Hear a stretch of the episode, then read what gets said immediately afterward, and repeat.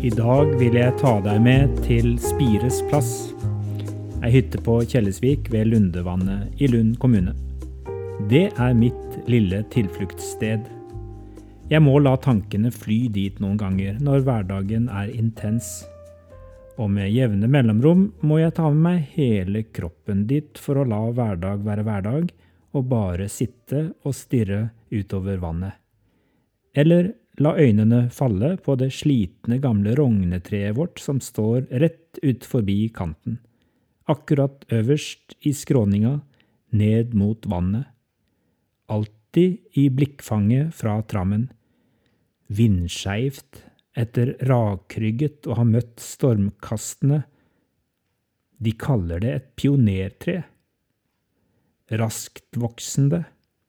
Først ute med å gjøre åpent terreng til skog. Ganske alene i vinden var det nok den første tida. Dets årstider, vi elsker dem alle. En tidlig vårdag slår de grønne bladene ut. De varsler sommer. Så kler den seg i hvite blomster, drar oss med i den sødmefylte, unge sommerlykken.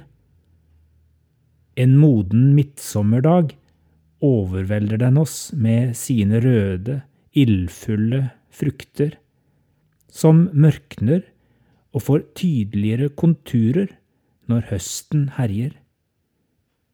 Så intens den er, så sterkt den lever da. Snart går den inn i den lange vinteren.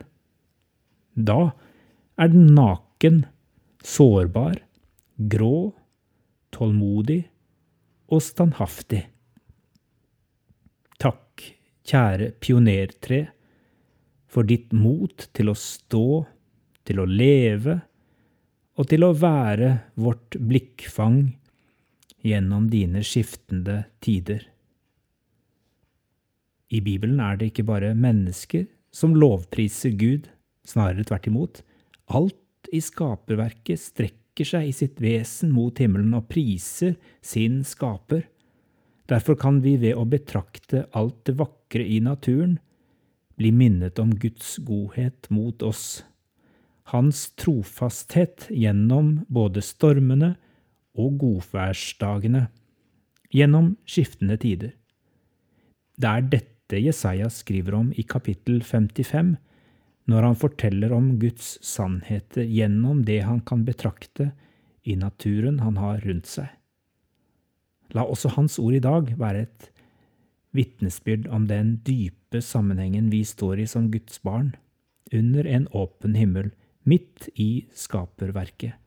Vi hviler i Guds framtid. For lik regn og snø som faller fra himmelen og ikke vender tilbake dit før de har vannet jorden, gjort den fruktbar og fått den til å spire, gitt såkorn til den som skal så og brød til den som skal spise.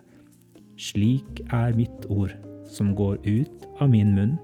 Det vender ikke tomt tilbake til meg, men gjør det jeg vil, og fullfører det jeg sender det til. For med glede skal dere dra ut.